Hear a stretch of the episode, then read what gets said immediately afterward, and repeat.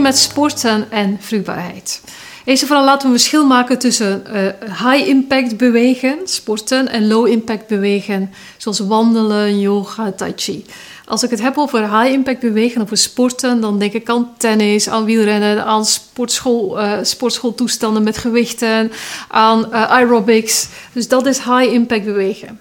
En een aantal jaren geleden hebben ze een uitgebreide studie gedaan, waarbij ze 2000 mensen gevolgd hebben die een eerste IVF-traject ingingen. En ze hebben gekeken van wat is nu het bewegingspatroon van die mensen en wat is de impact daarvan op de slagingskansen. En wat ze zagen was dat vrouwen die vier uur of meer aan high-impact bewegen doen, dat de slagingskansen daar 40% lager waren dan bij, bij andere koppels. En dan zijn er nog andere onderzoeken gebeurd die gekeken hebben, hè, als je dan normaal gaat sporten, wat is dan de impact? En dan zien we dat de slagingskansen wel stijgen als je beweegt. En een van de, van de redenen waarom men denkt dat uh, overmatig sporten invloed heeft op vruchtbaarheid is omdat de bloedtoevoer dan vooral naar de armen en de benen gaat en niet zozeer naar het bekken en de voortplantingsorganen.